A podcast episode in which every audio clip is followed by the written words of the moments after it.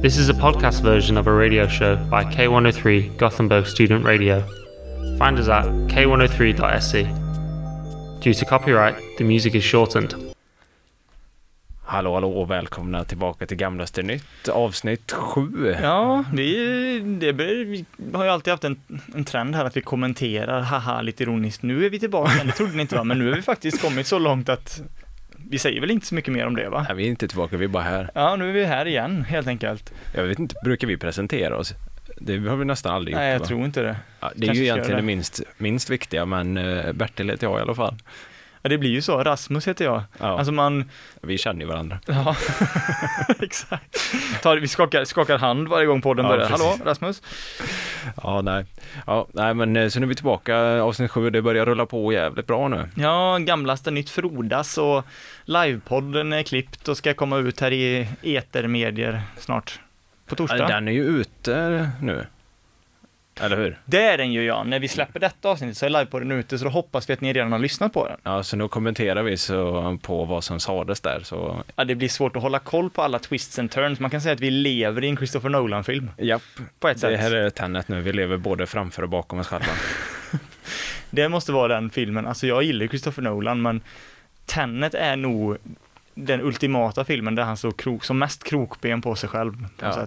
Ingen förstår. Har du sett den en gång? Ja, Jag har sett den, vi såg om den hemma. Och den, jag tror den märker lika lite sens andra gången. men det var coola slow motion scener. Ja, det var coolt när han, Kenneth Branagh hade på sig en sån typ gasmask och gick baklänges. Det gillar jag. Han var jätteelak ryss. Som de ofta är. Ja, kolla Nolan så här, sa- samtidskommenterade i förväg. Han, han visste liksom att det här med Ryssland skulle uppdagas innan. Men vad passande för eh, jag tänkte leverera veckans eh, sticka ut hakan. Det är inte Chris Nolan va? Nej, nej men det är Ryssland. Ja, Okej, Eh, ja.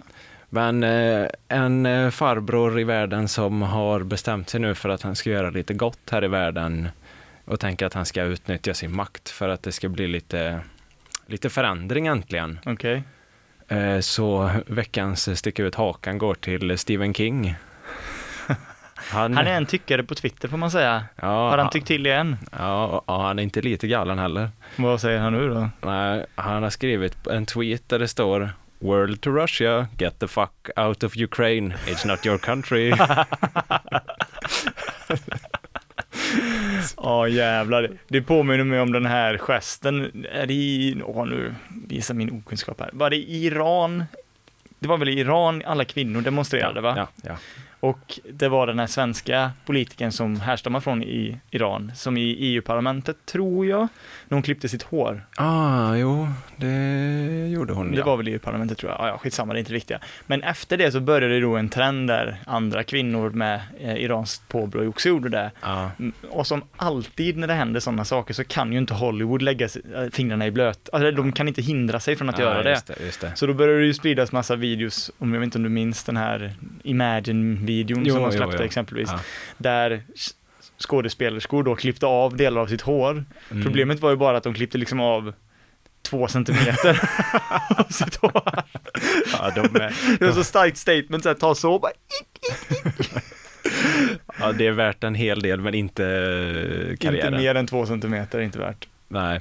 Nej, men det, det ligger väl någonstans i gränslandet på eh, obetydligt och eh, säger ingenting.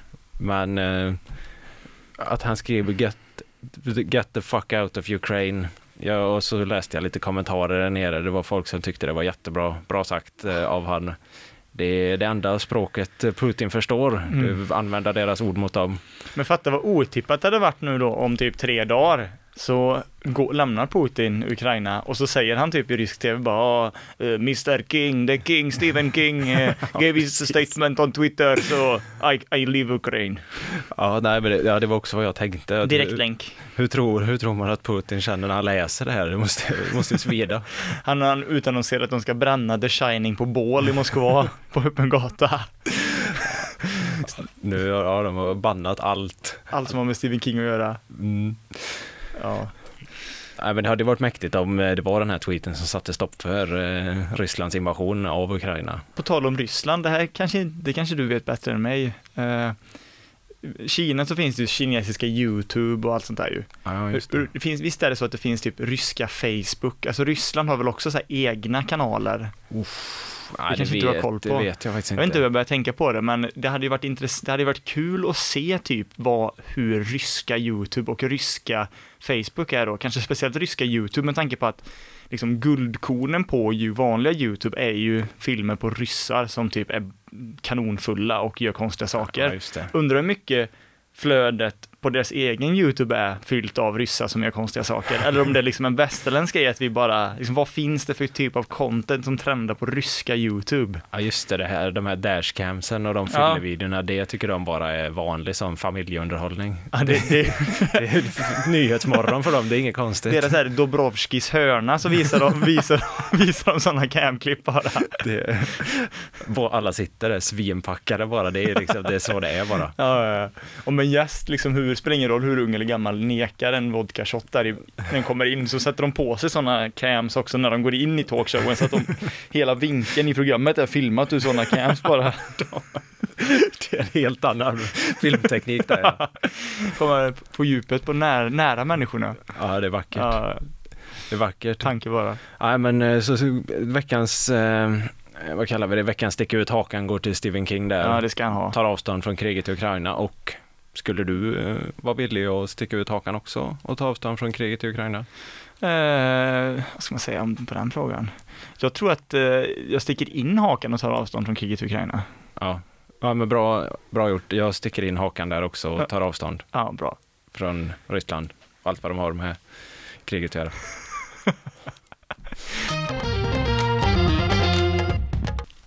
Nej, men eh, för de som har hört livepodden nu då så vet de att vi har prat, vi pratar om eh, självgoda, var det väl? Jag säger alltid fel där. Självgoda svenska kändisar. Ja, ungefär självgoda var det temat. Ja.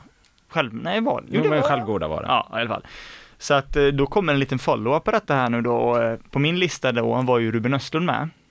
På plats nummer fem. Ah, okej, okej. Och i veckan som man gör, man lyssnar på sina poddar du vet och scrollar lite så har jag sett Mm. två grejer som har bara fått mig att tänka där med just filmskapare. Och det här är ju inget nytt och det tänker jag inte claima det heller. Men måste man ha ett stort jävla uppblåst ego om man är en filmskapare? Mm. Eh, rent spontant, vad tror du? Eh, Ja, ja, men det tror jag. För att jag har nämligen sett två exempel på detta då i, i veckan som har fått mig att tänka till att jag, det, det visste man ju nästan, men nu har man ju verkligen insett att det är på den här nivån alltså. Så att man förstår att ha de här människorna som chefer måste nog vara bitvis enerverande tror jag. Det kan man tro. Första exemplet på detta eh, såg jag i Dagens Nyheter, en eh, filmrecensent och krönikör som skrev Mm. en krönika som hette Varför mässar Ruben Östlunds producent att jag är en tönt? Kul. Eh, där storyn bakom det här är då att eh, när Ruben Östlunds förra film, The Square, kom ut, Ja. eh, så gav han den, tror jag, nu, nu ska jag inte säga detta jag tror han gav den en tvåa för en annan tidning än DN då. Och då så skrev han Erik Hermendoff, som är Östlunds producent, har varit i alla år. Ja. Tönt, bara typ som på Facebook, ett meddelande, tönt. Okej. Punkt. Vilket är lite fast aggressivt. Ja, ja. Så nu då, fem år senare, ingen kontakt har de haft överhuvudtaget, så får han ett nytt meddelande efter att han satt en trea på Triangle of Sadness. okej. Och en trea är ändå så här, det är ju ett, alltså ett ganska bra betyg. Ja. Då, då skriver han någonting i stil med, Åh, nej, ändra mig, du är en megatönt. Alltså det är så svagt. Det är så svagt. Och jag liksom bara kände så här, alltså de har ju gjort en karriär på att peka ut sig sociala beteenden och du vet, Ja, peka liksom, slår uppåt eller du vet, ja, ska göra sig lustig över eh, hierarkier och allt sånt här. Mm. Och sen kan, sen kan de liksom inte ens själva ta lite kritik innan de blir så jävla kränkta. Det är så hycklerinivån är skyhög alltså. Men tror, du tror inte att de preppar för nästa film bara och ska liksom dubbelmeta, göra detta inför nästa film och göra filmen om sig själva? Alltså grejen är att jag vet, vi prat, jag pratade om detta med någon på jobbet tror jag, att jag är helt säker på att det är den, den ursäkten de kommer att ha. Det kommer bli så. Men det är så jävla lätt att säga att allting är ett konstprojekt. Ja, jo, det är väldigt bra. Det är väl det enda de kommer, de kommer säkert gå ut, om de ens går ut med och säger någonting, Eh, eller någon gång i framtiden, typ ja ah, men det var ju bara ett sätt att typ testa gränserna med kritiker, jag vet något sånt här pretto-skit liksom. Och så kommer alla bara, vissa kommer köpa det och vissa kommer inte göra det, men det är så jävla enkelt. Det är bättre att de har sagt så, bara, ja vi tyckte det var tråkigt att, att svenska kritiker inte gillade den nya filmen lika mycket som andra gjorde. Men det kan de ju inte fronta liksom. Nej, de skulle ju kunna komma ut och säga att vi har eh, extremt eh, svag självkänsla och kan inte hantera Nej, att någon exakt. inte tycker att vi är bäst i hela världen. Ja, det är så. Liksom de har vunnit, han skrev i sin text också, de liksom kanske Europas mest hyllade alltså filmskapare, de två producenterna, liksom vunnit två guldpalmer. Liksom, de har ju, det är inte direkt så att de är några liksom, det är inte så att de är något YouTube-kollektiv som släpper sin första Nej, liksom, nej, nej. egenfinansierade film, så pissar liksom alla kritiker på dem, utan det finns ju hierarkier där också så att säga. Ja, det går inte dåligt för dem. Så det var ena grejen jag tänkt på eh, med Östlund då, men det kanske är lite mer, ja, det kan man ju tänka sig. Ja. Men sen har jag också, vad har du för relation till Lasse Hallström? Vad säger det namnet dig? Eh, Nej, det säger mig ingenting. Vem är det? Det är ju en svensk regissör som har varit mycket i, i Hollywood de senaste åren. Han gjorde en film på 80-talet som hette Mitt liv som hund, som blev Oscars-nominerad. Jaha. Och sen har han gjort, ja men, Gil, Gilbert Grape, DiCaprios genombrottsroll, den filmen. Och sen lite andra så här, mycket melodram och eh, cheesy romantiska draman typ. Ja, Men okej. framgångsrik får man ju säga då, på ett sätt. Faktiskt. Han har ju spelat, hans filmer har ju spelat in en del pengar och sådär. Men nu- han, eh, han är inte självgod i alla fall? va? Han är 0% självgod. Okej. Men han var i alla fall, eh, eller?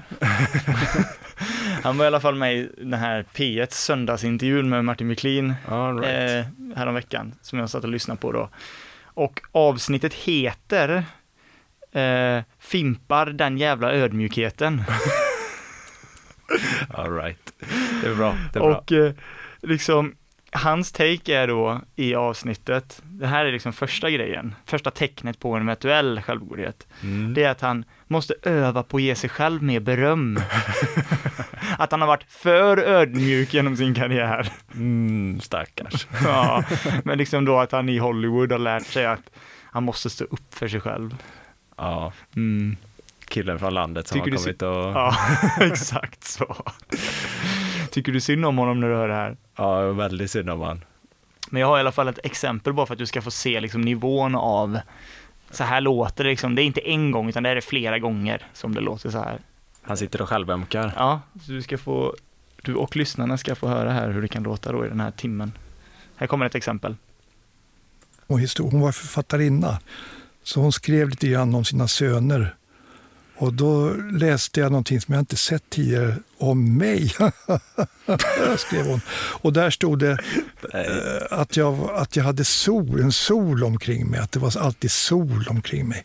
Ah, så intressant, tänkte jag. Så jag frågade Lena och min dotter, stämmer det här som min mamma skrev? Jo, men det stämmer ju precis, sa de. Sluta. Så att eh, jag går runt nu med en medveten om att jag har en sol omkring mig. Ja, fantastiskt. Ja, det är jätteskönt. Ja. Så hans mamma eh, hade sagt att han hade en sol runt sig? Hans mamma hade sagt att han hade en sol runt sig och sen så frågade han sin, sin fru och sin dotter om de höll med då. Ja. Va, va, vad kan man kräva av en fru och en dotter i ett sånt läge med en sån fråga? ja Tänker de jag. skulle ju varit ärliga och sagt att den är ett jävla rövhål. Lasse, vänta nu. Du är mycket, du är många saker och du har många saker i livet men du har inte en sol bakom ryggen. det har du absolut inte. det är det sista du har. Och anledningen till att han är med i söndagsintervjun den här gången då är för att han har gjort en film som nu har släppts på Viaplay tror jag. Eh, om en konstnär, en svensk konstnär som heter Hilma af Klint. All right. Eh, eh, då. Som också har inte han sagt liksom, ja den, jag ska vara mindre ödmjuk nu, jag ska liksom vara mer stolt över mig själv. Det är en av de bästa filmerna jag har gjort då. Mm. Mycket två eller tre i betyg, inte högre än så. Nej, okej. Ja. Inga guldpalmer. Nej, det blir inga guldpalmer för den. Men då är det så här, twisten är nu då att han har gjort en re- research för en film om UFOs i USA, en amerikansk film som inte blev av. Ja. Och under den här research-tiden så har han liksom fått upp liksom intresset för det spirituella, det andliga, Spännande. eh, som han har varit helt anti innan då givetvis. Ja. Jag trodde aldrig på det. och kruxet här är då liksom att, och det här trodde jag, för jag läste en tidningsrubrik på detta, jag trodde inte att detta var sant. Men sen när jag lyssnade på det så insåg jag att det här stämmer ju. Han påstår då att han har fått, kon- i kontakten med ett svenskt medium så har han fått kontakt med den döda Hilma af Klint, sen länge död. Och att hon liksom har gett, inte bara gett sitt godkännande till att han ska göra filmen, utan också liksom gett tips på manus i manusarbetet och, och sådär. Eh, och Ja, ja, ja, tror, tror du när du hör det? Vad tror du? Det låter som att vi har en ny eh, frälsare, Messias. Jag tänkte så här, vänta lite nu, är det Sebbe Stax som pratar nu eller är det Jonas Hallström? Eller är det Moses? Exakt. Och så jag vet inte, så du kan ju få lyssna då vad du, vad du tror att, alltså kan det här eventuellt vara ett tecken på, på liksom självgodhet då? somliga, men jag har fått kontakt via honom med Hilmas ande. Och hon och jag har eh, haft kontakt och hon har hjälpt mig med filmen och med delar av dialog.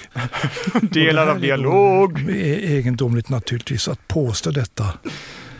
Eh, Men så, så är det. Ja, så, så kan man ju göra. Med dialog. Jag- Det, det som jag blir lite nyfiken på är liksom rent konkret hur detta har sett ut när de har spånat dialog då. Har han liksom, har hon svarat i Morse code från andra sidan då eller någonting? Ja, nej, hur, hur har hon gjort det? Har hon varit med på inspelningarna eller liksom? Det är svårt, men det han, kanske... han har kört repliker och så typ bomstativet ramlat i marken. Han bara, nej, nej, nej, nej, Hilma gillar inte det här. Han- det- som är egentligen, det finns också en tråd här tänker jag för att det kanske är Hilma som är hans sol bakom ryggen. Ja, Hon går med, han, hennes ande flyter med så bakom och det är därför alla säger, ja men du har, det var därför hans mamma, hon såg det tidigt, när, Ah. när lille Lasse sprang runt och lekte att Hilma av Klint svajar så bakom han. För fan borde ju spärra in han om man har. Och hon bara, jag är sinnessjuk så jag skriver att han har en sol bakom ryggen bara istället. Han skulle varit med om en exorcism istället som ung. Hade inte det varit en dokumentär, The Exorcist of Lasse Hallström, den hade man ju sett ändå. Fan vad roligt det hade varit. Ja, faktiskt. Ja, okej. Nej, det var bara två tankar som slog mig i veckan. Vilken jävla king. King Hallström. Ja, men vi, vi, vi måste ju eh, lyfta också nu. Nu har ju alla lyssnat på extrasoden som kom förra torsdagen här då. För att följa upp på eh, de här topplistorna. Det har ju varit en till utav de personerna på våra topplistor eh, med i nyheterna.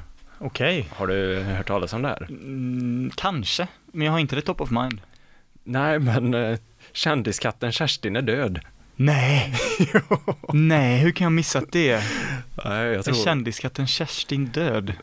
Ja, det är hon verkligen. Hur då? Eh, jag, fick, jag fick veta det genom Twitter. Jag följer ju Johannes Finnlaugsson, en komiker på Twitter. Ja, Och han eh, har ju sin, som sin grej att varje gång en känd person dör så skriver han ju ett skämt på om personen. ja men det tror jag du har sagt. Det var fan för mig. Ja. Och så då skrev han, eh, Johannes Finnlaugsson då på Twitter, kändiskatten Kerstin är död, hon blev uppäten av en giftorm som rymt från Skansen.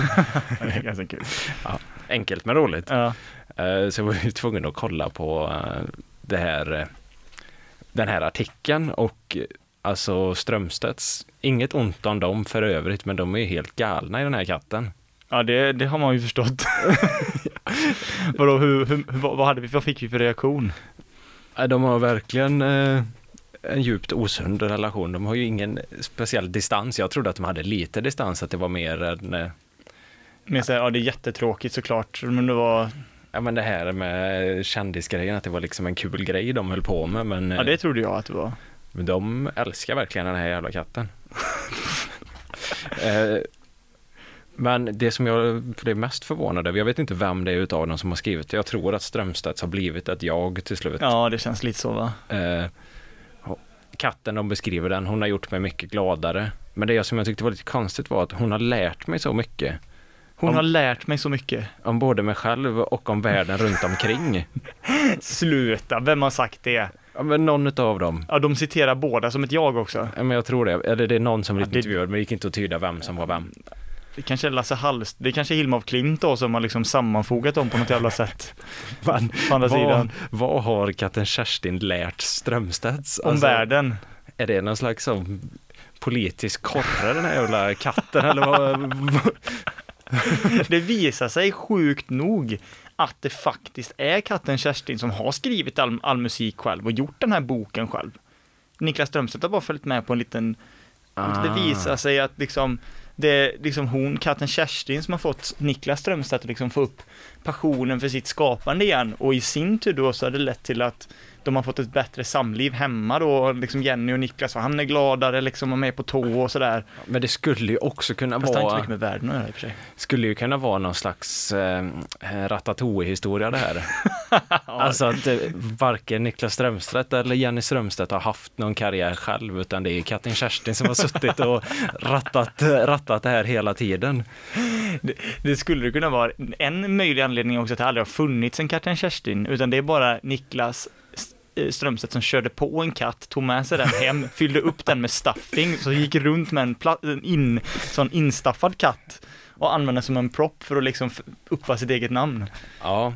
Ja, det är antingen det eller att katten Kerstin har gjort hela deras karriärer åt dem. Och nu, nu har katten Kerstin fick ju nog då och gjorde skapa en egen karriär. Och då, Ja, då var de tvungna att göra det. katten Kerstin blev för mäktig. du gjorde den där klassiska, klassiska grejen i Game of Thrones, jag kan inget konkret exempel, men det känns som att exakt det där har hänt i Game of Thrones. Någon Ja. blir för mäktig, nu måste vi kapa alla band här, Ja, de, innan det går för långt. de var tvungna att ja, dra pluggen. Men jag tänker just med Ratatouille-grejen, hur de måste ju ha varit kreativa med var, alltså för i Ratatouille har de ändå kockmössan liksom, det är en Ja. sån bra propp. Men är det typ att katten Kerstin har legat i gitarrlådan typ då eller någonting kanske? Det skulle de kunna gömma sig. Ligger och skrapar bara. Niklas bara, oj, har du fräs i gitarren Niklas? Ja, den är...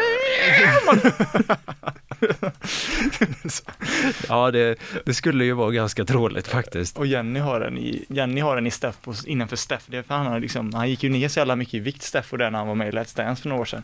Ah. Och sen har han ju lagt på sig lite igen då, men det har bara varit att han haft katten Kerstin så under, under tröjan, och gått runt med katten Kerstin där. Ja, just det. Så kan rodda i Jannys karriär med. Ja. Ja, ja det är starkt. Nej, så rest in peace. Ja men RIP, fan jag blir ledsen ändå. Det trodde, hade fan jag missat det. Ja, det var lite sorgligt. RIP, Kerstin. Ja. Ja, den, vi brukar prata ibland inför podden att eh, vi är rädda för att ta upp samma grejer och det här är väl den plottgrejen som jag, eh, som jag har tänkt på och läst som jag är mest, eller det spelar ju inte så stor roll men jag tror kanske att du har sett detta också. Har du hängt med någonting i turerna kring Dumpen?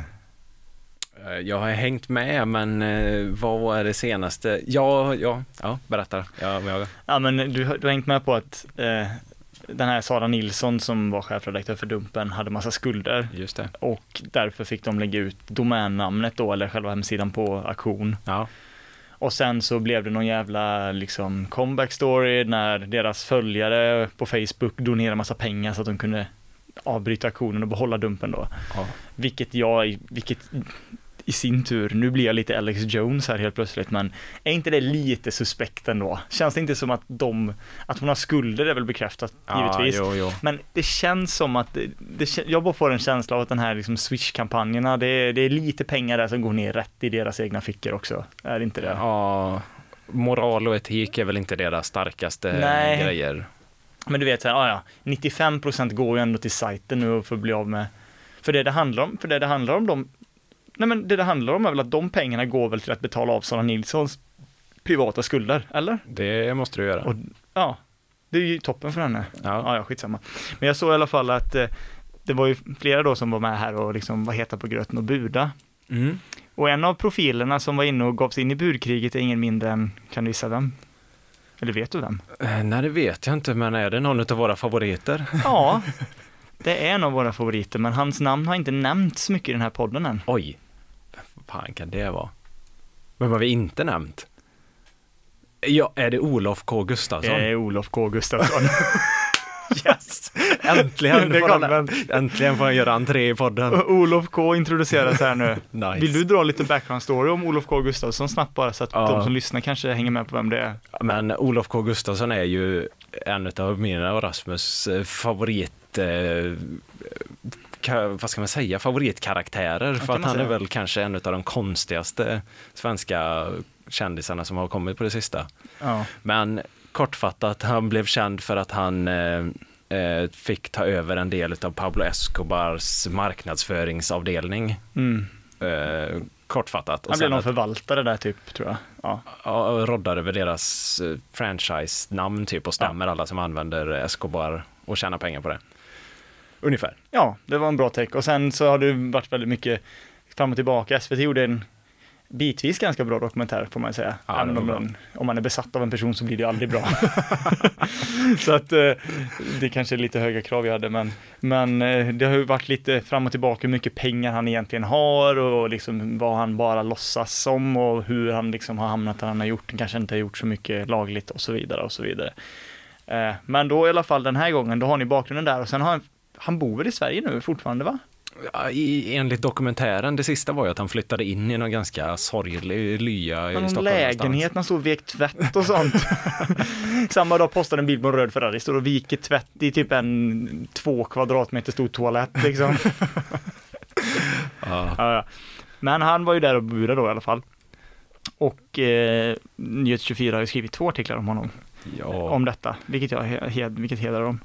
Eh, och jag vet inte, han skrev någonting när han budade och printade han det här och så skrev han eh, typ eh, alla pedofiler borde eh, sitta inne eller dö- dödas, här, ta tillbaka dödsstraffet, vet, något sånt förutsägbart Mm. som han skulle kunna säga. perfekt. perfekt. Men sen i, efter då det här så hade de ju ringt upp honom, Nyhet 24 och gjort en liten van, alltså en intervju med honom. Mm. Och då utvecklar han liksom det här och liksom börjar prata rättspolitik mer och liksom, ja vi borde ha dödsstraffet och så borde vi göra så här och så här. Och det blir ju kanske svårt för dig liksom att, så här, nu när du inte har läst den här artikeln själv, men det kändes lite som att det här var ett första steg liksom in i politiken för Olof K. Oj, oj, oj. Vad tänker du kring det? Det kommer bli roligt. Åh, jag ser fram emot han i politiken. Mer Olof K Gustafsson till folket. Men vilket parti skulle Olof K Gustafsson gå med i? Han får inte plats i något parti. Det känns så va? Han kommer, eller ja, det är ju de här eh, knasbollgänget, Medborgerlig Samling eller Mord och de här Ja. som han skulle kunna få vara med i. Trodde han skulle få vara med i Medborgarsamling? Jo, det skulle han va? Nej, han är för, för, för galen. Fast det känns ändå som att, nej han är nog för galen, men det känns ändå som att han och Alexander, för det finns det inte en intervju där Olof K Gustafsson och Alexander Bard är med båda två och Alexander Bard är typ så här, men lite, alltså så här, Ja, jo, men det är väl första gången som Alexander Bard mötte sin överman i att eh, prata helt enkelt. ja det var faktiskt häpnadsväckande, det var coolt, det kommer jag ihåg, att han tjötade sönder Bard. Bard blev obekväm Ja, det var, och det händer inte ofta. nej, just det, det, här, det var kul. Nej, men det ska väl tilläggas att Olof K är ganska vidrig Ja. med sina åsikter och Han han, uttalar sig fruktansvärt om allt och alla. Så Kvinnor, kvinnosynen är väl inte den bästa, kort sagt. Att, en, en underdrift som heter duga. Ja, han har pratat mycket om, mycket, han, är, han verkar ju vara en ganska hemsk människa, får man Oh ja, väl ändå oh sträcka ja. sig och säga. Men han gillar inte pedofil i alla fall, så att that makes him good right? Ja, Ja. det räcker långt. Ja. Nej, jag bara, vi väntar med spänning här på att se Olof Ks framtida politiska karriär helt enkelt. Ja, det blir kul. Jaha, då har vi väl kommit fram till eh, allas eh, lyssnares favoritsegment. Det är dags för kändisbingo igen. Jajamän! Ja, jag, Slow clap applåd. jag klappade lite högt innan, det kanske lät för jävligt i micken. Ja, det kanske gjorde. Men eh, så får det vara. Om Ja. Olof K nämns så måste han ha en liten applåd. Då vet vi ungefär vilken styrka vi kommer vara ha i våra händer när vi blir dementa och gamla sen. På tal om Arne Hägerfors demens. Ja. ja. Okej, ja, vi får fortsätta på kändisbingo nu. Ja, kändisbingo. Eh, ja, jag har förberett en ny, en ny kändis eh, med eh, tio fräscha ledtrådar, tio poäng, vi får se. Ja, jag är spänd, det ska bli jättekul. jag tror att Rasmus kommer ta det på ja, fem poäng kanske. Det Mm. beror, lite, beror lite på vad, eh, dagsform tror jag. Okej. Hur känns dagsformen Den idag? känns faktiskt eh, fräsch, måste jag säga. Jag känner mig alert. Alert, gärna. Mm. Du har eh, många kändisar top of mind. Det är bara svenska, right? Eller är det internationella också vi jobbar med? Ja, eh, Jag har inte sagt det innan, men det har bara varit svenska hittills och det är också så fallet idag. Okej. Ja, Eh, Du får meddela om reglerna ändras. Mm. Men eh, Svenska är- kändisar alltså. det är en svensk, svenskis. Ja. Eh, Personen är född 1945. 45. Ett Då- härligt må- Då år ska många vi kommer se ihåg. ungefär, då är man ju 77 va? Nej. Jo. Ja. Räknar jag fel här nu? 60, 15, 70... Vänta nu. Fan vad dålig jag är på matte. Jag orkar inte Ja, men man är i late 70-årsåldern i alla fall. Mm. Eh, mm, ja, men jag måste ju gissa. Arne Hägerfors. Nej, Nej, han är ju äldre än så. det kanske han är. Eh, nio poäng. Personen blev ersatt av en med dubbelt så mycket talang. Mhm. Och Göran Persson gissar jag på då. Menar du Mona Sahlin hade dubbelt så mycket talang? som Nej, det, det, det är väl inte... Det ska, nej, ja, nej, ja. nej, Nej. nej, det menar jag inte. Inget ont om Mona Sahlin, hon verkar jävligt skön privat. Absolut. men hon absolut. kanske inte var den bästa partiledaren. Toblerone-kingen. Ja. Eh, det är inte Mona Sahlin, nej. Fel. det, är det inte Göran Persson? Nej, inte Göran Persson, Nej. nej. Eh, och nu får jag väl ändå uh, rappa mormor. Det var hon som kom med åtta poängs ledtr- ledtråden. Ja, då fick en ledtråd gratis där också. Det betyder att din mormor känner till den här personen. Mm, och hon känner till många. Mm. Eh, åtta poäng, köpetänder. Köpetänder. Ja, direkt eh, citerat. Ja, ja, men det förstår jag ju som tur är vad det betyder. Det betyder att det, det är tänder som är gjorda så att säga. Mm. Åh, vänta lite nu. Nu började det röra sig bak i huvudet på mig faktiskt. 45, sent 70-årsåldern blev ersatt av en mer köpetänder. Jag gissar på Loa Falkman. Ja, jag är rädd att du ska ta det, men det är fel. Mm. Bra. Eh, sju poäng. Alkoholistaura slash bara alkoholist. Ica-Stig. Också bra gissning. Du Fan. är on fire nu, men det är fel. Bra. Eh, eh, sex poäng. Det är en eh, programledare.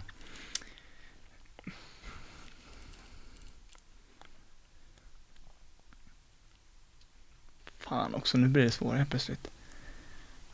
Alkoholist-aura. 70-årsåldern. Det är ju inte Steffo, för han har ju inte blivit ersatt liksom. Är det Harald Treutiger? Nej, det är fel också. Fan. Ja, nu börjar det brännas alltså. Eh, det gör det verkligen.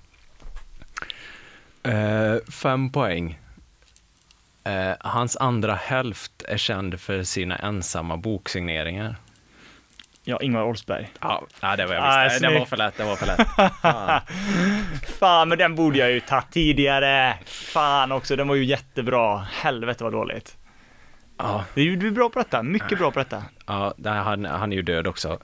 Ja. Rest in peace, Rest in peace. Ingvar. För det var verkligen nu när, när jag tog det så tänkte jag, ja men det är klart. Första, andra, nej, men där, han hade ju supertänder. Det hade han verkligen. Eh, så, Alkoholist, han var väl typ alkad i perioder också va? ja, han var väl ganska känd för sina eh, alkoholtendenser. Ja. Eh, och sen blev han ju ersatt av en med dubbelt så mycket talang. Lotta Engberg? Nej. Christian Luuk i På spåret. Ja, ja, ja, ja, ja, ja. Det är klart, jag vet inte, av någon anledning så förknippar jag Oldsberg med Bingolotto, men det är ju absolut, det är ju Loket Olsson liksom. Men det är klart att det är På spåret som är hans flaggskepp. Men Har inte Ingvar varit där och vevat, vevat någon säsong också? Jo, han har varit på Bingolotto med, men det är ju inte det som är hans Nej. stora grej liksom. Tror jag. Det är Nej. såklart På spåret. Jag ska Nej. dra de sista ledtrådarna också. Dra dem bara. Ja, det var fyra poäng där var metoo. Han åkte ju dit för att han var ganska, han var väl lite av ett arsle. Men inte för... Inte just Inte- mot kvinnor va? Mot alla bara. Bara ett allmänt arsle. Han åkte dit i den svängen i alla fall. Och sen tre poäng, del av Göteborgseliten. Mm. Eh, och så här två poäng, hans karriär spårade ur. Ja, den är inte bra. Men, Det tyckte jag inte var så dålig. ja, Kanske att du skulle bytt plats på den och eh, mm, del av hälften bara. ja just det. Men det är lätt att vara efterklok. Och sen, eh, sen var det det. Ja men fan bra jobbat, den var skit, du, jäkla bra namn alltså. Man, det blir, man vill ju inte att man ska kunna ta det på tian. Nej, det hade varit jättetråkigt. Men det här hoppas jag blir en, liksom, en grej som fortsätter. Ja. Så någon gång om man liksom lyckas chansa rätt på tian, då Ja, blir det- det ju mega hype. Fan vad besviken jag blir då. Alltid klurande på poängskalan helt i onödan. Ja, mycket bra, mycket Nej, bra. men Ingvar Oldsberg, han dog ju nu i år tidigare. Var det i år han dog? Jag kommer inte ihåg exakt när det var, eller om det var tidigt det? förra. det känns som att det var längre sen, men jag vet inte heller. Men jag kommer ihåg eh, mycket väl, eh, vi kollade på Berts Värld ibland. Eh, alltså Bert Karlsson har ju en YouTube-kanal. Kollar du på den fortfarande ibland? Ja, det händer. Hur är den nu då? Eh, fruktansvärt. Bert Karlsson ser fortfarande ut som att han smälter. Ja, det gör han. Jag vet, det var en, eh, det, det är ett av de ro, en av de roligaste linesen som jag har hört någon gång och det passar väldigt bra in på Bert i The Roast of James Franco. Ja. När han roastas på YouTube. Ja, det var väl en Comedy Central-grej antar jag, men Ja. så går Andy Samberg upp om du vet vem det är. Ja. Och, och ja, Brooklyn 99 om inte lyssnarna vet och SNL och grejer. Så går han upp och kör en sån ironisk roast där han typ är så tråkig som möjligt och liksom driver med hela konceptet. Okej. Förutom en line som han har på hela sättet när han vänder sig till Jeff Ross. Okej. The Roastmaster säger Jeff, you melting hippo. Ja, det är bra. Det är det enda han roastar på hela, och det Därför tycker jag att det är lika kul när du beskriver Bert som att han smälter, för att det för tankarna till det. Jag har inte sett den, men jag kanske har fått inspo därifrån. För Jeff Ross, för de som inte känner till han ser ju faktiskt ut som en smältande flodhäst också. Ja, ja, det får man säga. Det är en bra beskrivning. det är kul. Ja, nej men i alla fall Bert Karlsson la ju ut en video när han, eh, som han alltid gör med alla kändisar som han någonsin pratar om, han claimar ju alla som hans. Och Ingvar Oldsberg var ju såklart hans Var det bästa hans kompis. också? Det var hans bästa kompis och de kände varandra bättre än någon annan i hela världen. Ja, det är klart. Eh, Drog han någon anekdot också till detta eller sa han bara att de var bästa vänner? Ja, han drog både en och annan anekdot. Nu kommer jag inte ihåg exakt, det var ganska länge sedan jag kollade på det, men eh, man hörde ju att eh, Bert har han fi- filar väl på, tummar väl lite på sanningen ganska ofta Ja, och det- överdriver allting som han är inblandad i och att alla älskar honom. Ja, det känns så. Fan vad han har försvunnit, men det är klart, det är fan inte lätt att vara så gammal och vara aktuell. Det är ju inget, det, just på den biten ska han inte ha någon, det ska ingen, inte falla någon skugga över honom. Ja, han har hållit i alltså. Men när vi var barn, fan vad det är rätt gammalt, när vi var barn. Nej men vi var barn, så han, då var han ju ändå lite big shot fortfarande, du vet med talangjuryn och allt Ja. som du minns. När kan det ha varit? 2008, 2009 Ja. kanske. När han, jag kommer aldrig glömma när det var någon ung kille som hette typ Pippin eller nej, det var dansstilen han dansade. Han hette typ Mr. Någon, någonting. Ja. Och så var han så "Rrr", han såg typ ut som en sån surikat. Och så dansade han då som någon, någon variant på någon hiphop-dans. Poppin hette dansstilen. Ja. Och då typ hade han någon move när han så här, eh, ja, typ moonwalka fast coolare då, att han typ gick så på sidorna fram. Ja. Och då kommer jag ihåg att Bert satt så, "Ha, ha, du är en, s-" alltså var helt lyrisk, bara, du är en sån jävla talang. Och man bara, okej Bert, var, när man blir äldre så man bara tänkte, bara, okej Bert, var ska han dansa popping någonstans? Typ så här. Typ Ica Lerum ska han stå och dansa popping. Du är en sån jävla talang. Bert ser talang när han ser det. Eller, vad ska? Ja. Han sitter i Berts och bara, jag kommer ihåg han Marti, Mattias som dansar poppen där. Ja, det blir inget man men äh. Ja, nej, jag kommer ihåg Bert, han var med i Du är vad du äter, VIP någon gång för Var han med i det? jätte, jättelänge Åh, sedan. Fan, inte jag sett det. Jag kom, det är starka minnen när Anna Anka tvingar Bert att dela på en semla typ. Han var tvungen att äta en halv semla till fika. Det var så jävla konstigt. Man ser liksom svetten rinner i pannan och han skakar, abstinensskakar så när han skär. Ja, det var säkert ändå 10-15 år sedan Ja, det det hade man ju velat se. Man hade ju velat se Bert i Biggest Loser alltså. Har inte han varit med där? Jag tror inte det. Jag vet bara att Kalle Moraeus var med någon gång. Och jag, vill, jag har aldrig kollat på det. Jag minns jag kollade när det kom när man var liten, men Ja. jag vet bara att Kalle Moraeus var med någon gång. Om jag har fel där får ni lyssnare eh, säga till ordentligt. Men jag tror det. Och jag minns att jag bara tyckte synd om honom. Alltså för han, han såg inte, det såg inte ut som att han tyckte att det var roligt alls. Ja, Det blir kan- ju lite förnedrings-tv någonstans. Ja, det är inte hans grej. Han ska ju vara en liten uh, god och rund gubbe. Ja, Moraeus går ner 60 kilo bara. Och karriären är över. Ja, slut. Var ska han ha fiolen? Men vad det var fan, det var han, vet Bert Kreisner, den amerikanska komikern. Ja. Han sa ju det att eh, han, han är ju, någon- ja, men han är ju typ alkoholist. Han dricker ju varje dag i princip. Han dricker ju när han står på löpbandet så, dricker, så går han ju och dricker rödvin liksom. Åh, alltså, han- fast han är väl en vet, så här, välfungerande alkoholist. Mm. Så han sa det då att han funderar på att sluta dricka och sen någon gång varje år så har han en nykter månad. Och han bara, men jag är så rädd om jag slutar dricka så kommer min karriär vara över för jag byggde liksom Party Animal varumärket i min standup så mycket så att jag är rädd att liksom, vad ska jag göra då? Ja.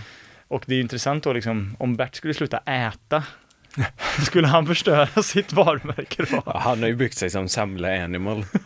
Eller det har han ju gjort, alltså no joke, men eh, vill man ha Semla som sin grej? Ja, Bert, Aftonbladet så, Bert Karlsson, semlorna var en fasad. Det visade sig att det varit ett PR-trick, och bara, Ja, Han har alltid, aldrig ätit semla egentligen, han har varit fast i annan skit, i marsipantårta Ja. och Budapeststubbe. jag vågade inte stå för Budapeststubbarna så det fick bli ett semlesubstitut istället. Ja. Ja. Bästa Bert, ja, men det var allt för eh, kändisbingo då. mycket bra, mycket bra. Du, nu kommer det låta som att jag upprepar mig själv här, men jag har faktiskt en, Ruben Östlund är inkluderad i ännu en talking point Okej. som jag vill ta upp idag. Fast det här är faktiskt inte fokus på honom. Mm. Men jag såg, vi har fått en ny kulturminister i Sverige. Mm. Vem var det? Eh, moderat Parisa Liljestrand heter okej. hon. Jag vet inte om du har hängt med det här, men det har ju varit en del snack nu efter eh, regeringen bildades och allting att, om just kulturpolitiken. Det har väl inte varit på, högst upp på agendan, men i det skrået. Mm. Och det har snackats en del om att de ska införa ett sånt här statligt kulturkanon då med liksom ett antal filmer och litteratur antar jag, du vet. Ett liksom statligt, så att det finns en lista, så här, det här bör varje svensk medborgare liksom känna till. Ah, ja, ja, just det. Ja, ja. Och det finns ju redan, går ju att argumentera för, fast det är inte liksom så uppstyrt, utan det är mer liksom Ja, men en, vi ser att en svensk film görs, blir det en klassiker så finns den ju många svenskar som är medvetna av en anledning för att det är bra liksom. ja, just det. Så att det kan man ju argumentera för att det sköter sig själv ganska mycket och Mm. förändras hela tiden. Men nu vill ju de eh, införa detta. Det finns väl fördelar med det också givetvis, men det har varit lite kul nu då för att hon, och det ska gudarna veta att det här är inte hon ensam om som kulturminister. Hon förra, Amanda, Ja, hon hade ju inte sett en enda Guldbagge-nominerad film exempelvis. nej. Men det här tog ändå, det här var ändå, jag tyckte nästan synd om henne. Ja, nej. I SVT, när hon blev intervjuad då, om, så var det typ Selma Lagerlöf, Gösta Berlings saga, något mer och Ruben Östlund Åh. med Triangle of Sadness. Så fick hon frågan, eh, ja, tycker du att de här tre hade i så fall, är det exempel på vad vi hade kunnat förvänta oss i en svensk kulturkanon? Mm. Och då säger hon, eh, nu parafraserar jag, men hon säger, ja, de alla är ju tre jättebra författare. Så hon visste inte att Östlund var Aj, regissör. aj, aj, aj, aj. Och det som är så kul med den här kulturkanonen är att om den införs så har det varit tal om att det kan bli krav liksom i medborgarskapstestet, du vet att du ska kunna vissa saker om den här kanonen. Och sen så kolla upp då att Parisa Liljestrand är ju själv från Iran, född i Iran. Ja. Och det blir ju lite knasigt då om den här kanonen består av verk som hon själv inte har en susning om. Det finns hål här. Så säger så här, hon gör medborgarskapstestet, någon, någon kommer från Iran till Sverige, gör det här testet, kan inte Ruben Östlund, får inget medborgarskap. och så sitter hon och vet, ja men det kan ju inte jag heller. Ja. Jag vet inte, det finns någonting väldigt eh, High Chaparral med det på något vis, jag vet inte. Ja, nej, men det, det fattar ju alla som har tänkt någon gång att det är en fruktansvärt dålig idé, eller hur? Ja, Alltså, det, det går ju inte. det funkar alltså det, blir, det är ju det är alldeles för intressebaserat på något vis. Ja. Men eh, kan inte du berätta, vad, vilken film hade du velat att alla i hela Sverige ska ha koll på? Eller, eh, ja. Och det är en bra film. fråga. Det måste vara Eh, svensk kultur Det måste ju vara någon, det måste vara någon, ja men typ kanske Kops. Ja, det är, det är en bra Den slår ju ändå brett liksom. Det är något för alla, finns ju något för alla. Ja, Det är kanske inte, för det finns säkert bättre alternativ också, men men så här, typ ha någon Bergman-film är ju precis värdelöst. Ja, fy fan vad pretentiöst om alla ska behöva kunna en Bergman-film. Ja, men liksom så här, ja, man ska veta att Ingmar Berg, det är ju en sak att typ veta att Ingmar Bergman finns och det är en annan sak att typ ha sett alla hans filmer. Eller typ en film. Alltså om du frågar, jag, jag tror fan att, nej, det är svårt att säga, men det är nog en väldig minoritet som överhuvudtaget har sett en Bergman-film i Sverige. Jag kan inte nämna en eh, Bergman-film, men jag bara chansar på att alla heter typ Killen på stolen eller någonting sånt där. Tystnaden, Tystnaden. Ja. vill du höra några exempel? Ja, du är gärna. inte långt ifrån. Nej, Tystnaden, Sommaren med, nej nu tänkte jag sommaren med Göran. Ja, men där borde det vara något att vara kulturkanon, Sommaren med Göran. Ja. Eller vad heter den här, den Pucket-filmen de gjorde? Ja, en gång i Phuket. En gång i Phuket. Nej men kopp, vad skulle jag säga? Eh, ja, men jag skulle säga kanske kopp. Så vad hade du, vad, vad tänker du spontant? Ja, men jag kan inte komma på något. Ska man, ska man kunna... Kan man... Fucking Åmål kanske, men den är också så väldigt generationsspecifik. Nej, det jag inte heller sett. Man ska veta att eh, Christian Lok programleder På spåret. Ja, det ska man veta. Och man ska veta att Fredrik Lindström sitter jämte och säger nja, nja, nja, Och sticker in lite lustigheter här och där. Låter man vaknar hela tiden. Nja. Ja, ja. Det var bara en tanke. Det, det känns också dumt. Min takeaway med detta är väl egentligen att vi, jag hade inte velat vara kulturminister om jag kände att jag hade så jävla dålig koll på kultur. Man fattar ju att man kan inte ha läst och sett allt, men om man inte har det så borde man ändå liksom vara lite, kunna namn och sånt där åtminstone så man kan fejka det. Det blir ju bara pinsamt. Ja, den som ska vara kulturminister bör ju vara någon som kan allt om kultur. Ja, men eller inte eller tvärtom. mycket i alla fall. Man ska väl inte behöva lära sig om kultur för att bli Nej, kulturminister. nej, Nej, det känns ju åt fel håll va? Luddigt, luddigt. Nu, nu, nu kommer vi till eh, en eventuell eh, spaning här som vi får se vart den tar vägen. Eh, känner du till, ja det gör du, känner ni till där hemma, eh, återställ våtmarkerna? Jag känner till detta. Känner du lyssna? Fan, du, har, har vi pratat om detta tidigare? De var med lite snabbt där eh, för några avsnitt sedan, du pratade om Jan Emanuel Ja, eh, just det, just det, just det. Ja, just det. Mm. Det är de som eh, limmar fast sig på vägarna i Sverige. Och skriker jag är limmad, jag är limmad. Ja, de är, det är ett gött gäng. Ett riktigt rövgäng. De är Ja. ute och limmar och har sig. Eh, men ja, frågan är, vad fan är det de vill, de här återställa våtmarkerna? Det är ju lite luddigt. Eller varför skulle det vara det viktigaste? Mm. Fattar inte jag riktigt. Men de har de en hemsida där de har skrivit vad, de har två saker de vill. Eh, återställ våtmarkerna. Mm. Tror det eller ej, det handlar om våtmarker. Mm. Eh, men jag hade inte så bra koll på våtmarker. Det har inte du kanske heller. Nej, det, min våtmarkskunskap sträcker väl sig till ungefär att eh, när man, nu, nu, nu är killgissar jag ordentligt här, att när man skövlar mycket för mycket skog så förstör man våtmarkerna. Och våtmarkerna är viktiga för typ reproduktionen i skogen eller något sånt där. Det är typ det jag vet. Om Ja. jag ens vet det. Ja, men eh, vi, jag ska berätta här nu. Det handlar om torv. Ja, mm, För det är tydligen torv som är nere i våtmarkerna där. ja. Så deras krav är nummer ett, brytning av torv förbjuds i Sverige från och med 2023.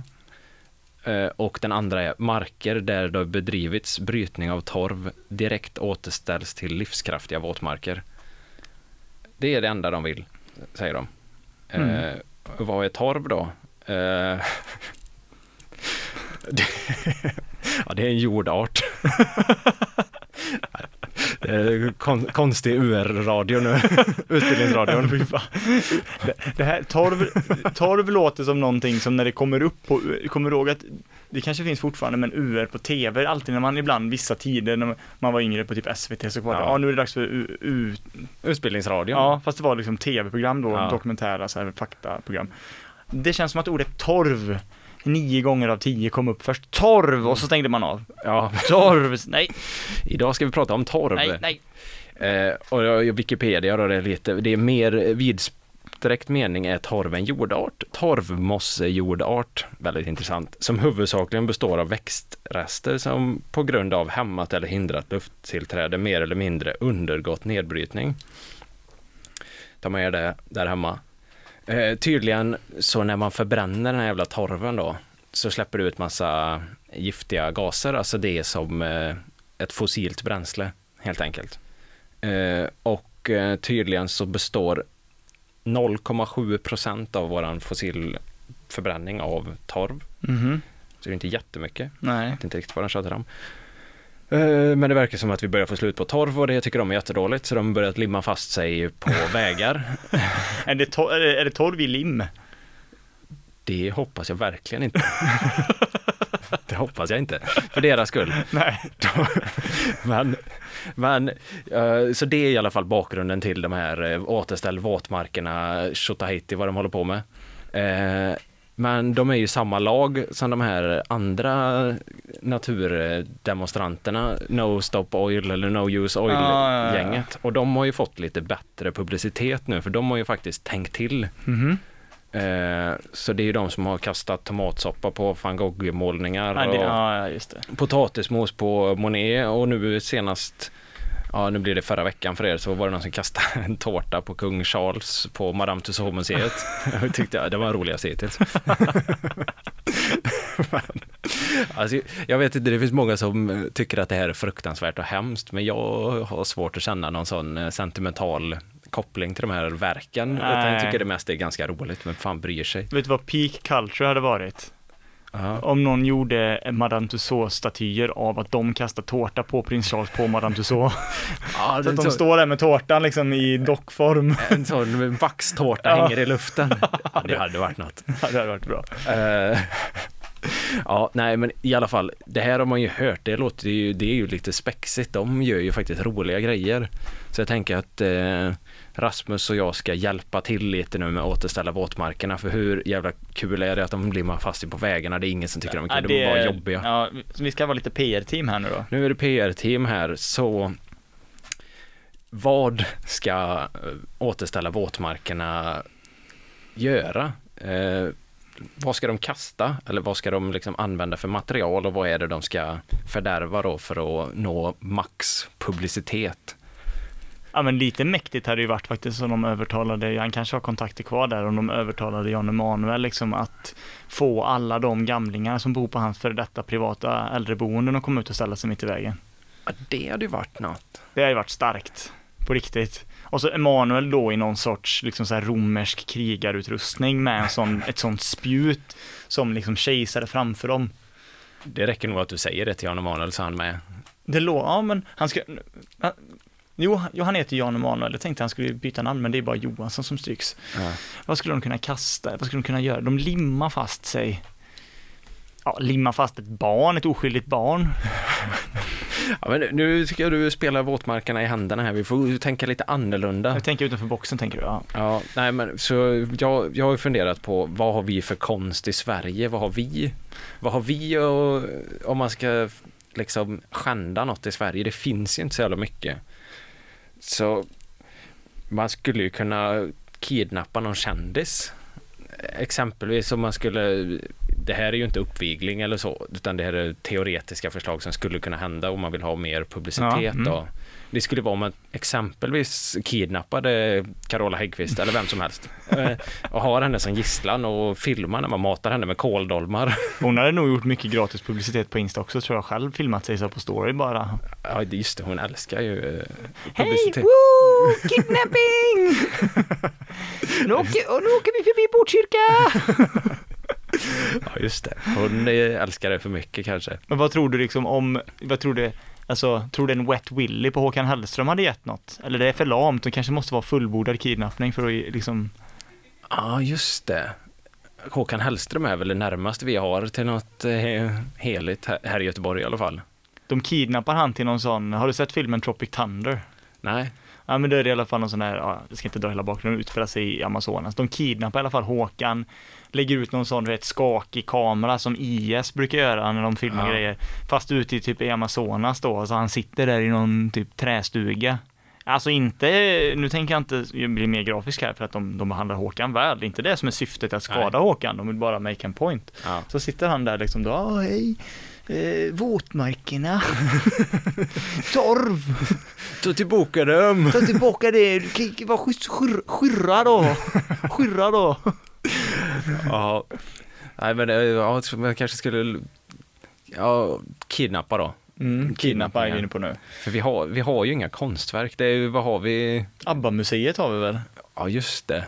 Då, kasta, kasta löksås på Björn och Benny. Fast de måste ju kasta någonting som påför tankarna till torv och våtmarker också. Fast det måste vara något ätbart då för att, ja, det är ju roligare. vad är mest likt torv? Som är ätbart. En slags kålpudding eller något. De åker till någon mellanstadieskola i Stockholm och kidnappar eh, tre bytte med kålpudding. kidnappa åtta mattanter. Tvinga dem att laga så jävla mycket kålpudding. Ja. nu jobbar ni fan på ackord, förstår ni det? Fyller hela Globen med kålpudding. Ja, det är ett bra statement. Då stoppar de fan eh, ja, våtmarkerna. Journalist bara, vad är tanken här då? Det, det är ju kålpudding, det är ju ingenting med. Nej, Säger du. Titta, publiciteten kommer ju. Kolla på den. Ser du ut som hon torv va? Men tänk om det skulle kunna komma, det är ju liksom, det kanske man då kan, om man har rätt kontakter in i TV4 exempelvis, pitcha så här Våtmarkerna-galan istället för så Stora cancergalan eller Barncancergalan, det finns massa olika sådana. Ja. Typ Torvgalan. Torvgalan. Oh, vad det hade dratt tittare. Ja, jo, ja, ja. Oj, oj, oj. Vem skulle posterboy där vara? Någon som brinner för torv, som är känd. Det måste ju finnas klimat, superklimataktivister där i kändiseliten också. Ja, men det är någon kurva som aldrig möts egentligen. Folk som gillar torv och klimataktivister, det känns inte som det passar ihop. Nej, fan kan det vara då? Det känns som att Bert Karlsson skulle kunna älska torv. Ja, men han gillar torv, han gillar torv, det är viktigt med våtmarker. Men han tycker ju inte om klimataktivister. Nej. Bert Karlsson kanske skulle vara programledare då, åka runt i någon sån här, ja men typ, alltså, ja, nu åker han visserligen, han hasar väl fram, jag tänker Jabba Jabba the Hutt liksom när han vill ha så här tjänare som går, bär han på en tron typ. Ja, Fast han blir väl aldrig buren på en tron, utan det är väl mer snarare att han bara inte rör sig. Ja, han glider fram på något vis. Ja, när han väl då rör sig. Ja. Nej men Bert är ju inte bra, vi, eh, något namn får vi komma på här innan det är dags för, för oss att runda av för veckan. ja, Posterboy för Torvgalan. vill jag gärna ha någon sån riktig... Ja, men skulle, skulle det kunna vara Annie Lööf nu som helt byter, eh, byter eh, lag? Eller ja, Det är inte omöjligt. Hon skulle kunna, men Oh. hon är lite för hon kan ju inte säga torv heller, det är ju det. Torv. Torv! Vad menar hon? Torv? Alla tror att det är Taube-galan. Taube. Torv! Idag ska vi, ikväll ska vi hylla Taube. Torv! Evert Taube? Nej, Taube. Ja, haha. Ja, nej, Nej, Vi men fan. det var lågt. Ja, okej. Men vi säger kombo, Annie Lööf och Bert, de får co-hota. Ja, de tag-teamarna. Ja. Bert bär Annie Lööf. Det känns som att Bert skulle kunna säga ja, jag håller inte med om Annie, men jag håller inte med Annie Lööf i sak. Men jag tycker hon hon är dri- driven tjej. Hon är driven tjej. Det skulle han kunna säga. Ja. ja men det var väl allt för denna veckans gamlaste nytt va? Ja, men jag tror det. Vi fick nog med allt gammalt och nytt. Ja, en mix precis som det ska vara. Eh, Så att vi hoppas väl att ni lyssnare hänger med här i fortsättningen om ni är intresserade av väldigt gamla spaningar och väldigt nya snodda spaningar. Ja, och om det är någon som har en bättre programledare till Torvgalan så får ni gärna skicka in Ja, det. känner att vi har lite att jobba på där. Ja, faktiskt. Ha det gött då! Hej! Hej! You've just heard a podcast version of a radio show by K103 Gothenburg Student Radio. You'll find all our shows at k103.se. Follow us on Facebook or Instagram. Stay tuned.